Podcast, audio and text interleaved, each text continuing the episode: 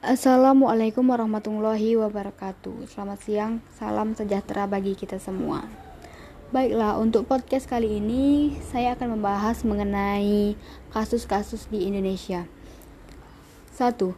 Kasus Nenek Mina. Siapa sih yang tak kenal dengan kasus kali ini? Pada tanggal 19 November, Nenek Mina, 55 tahun, dihukum oleh PN Purwokerto selama satu bulan, 15 hari penjara dengan masa percobaan 3 bulan. Dia dinyatakan bersalah hanya karena memetik tiga buah kakao di perkebunan milik PT Rumpun Sari Antan RSA Aji Barang, Banyumas. Selama persidangan dengan agenda putusan berlangsung penuh keharuan. Bahkan Ketua Majelis Hakim Musli Bambang Lukmono SH terlihat menangis saat membacakan ponis. Kasus kedua yakni kasus kriminalisasi pemulung.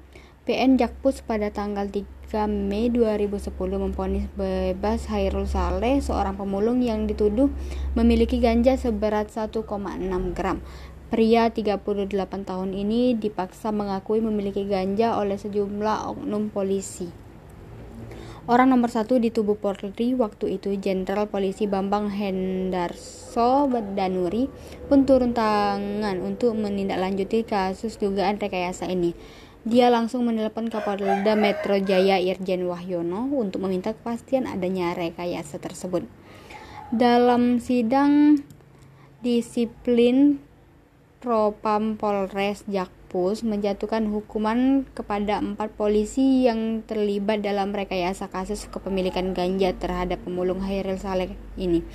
Kanit Narkoba Polsek Kemayoran Aibtu Suyanto didemosi sedangkan penyidik ber Gadir Rusli ditunda kenaikan pangkatnya selama satu tahun.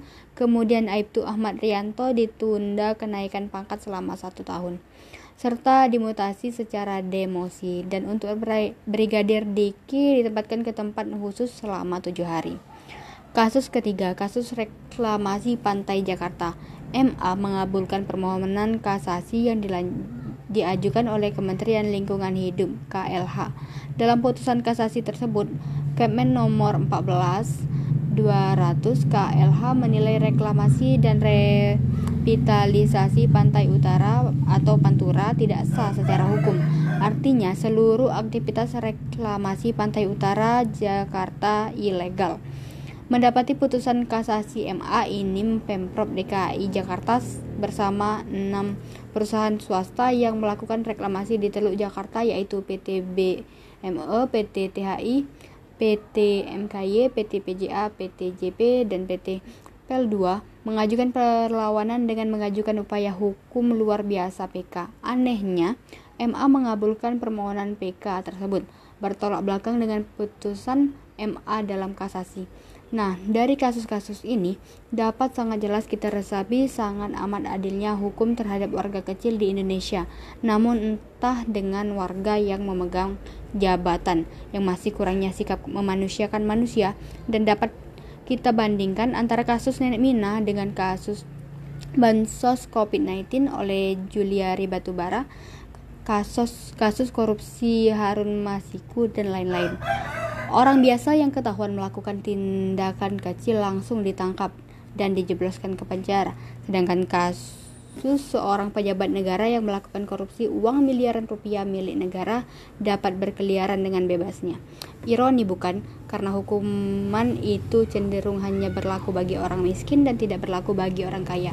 Sehingga tidak sedikit orang yang menilai bahwa hukum di Indonesia dapat dibeli dengan uang. Dalam kasus-kasus ini juga dapat dia kita ambil mengenai kepastian suatu kasus itu masih bergantung pada siapa penyidiknya tersendiri. Maka ini kembali pada per individu apabila masih kurangnya kesadaran terhadap suatu keadilan dan tanggung jawab sangat dapat menimbulkan permasalahan yang luar biasa bagi diri sendiri ataupun orang lain. Mungkin itu saja podcast saya kali ini. Saya akhiri wassalamualaikum warahmatullahi wabarakatuh.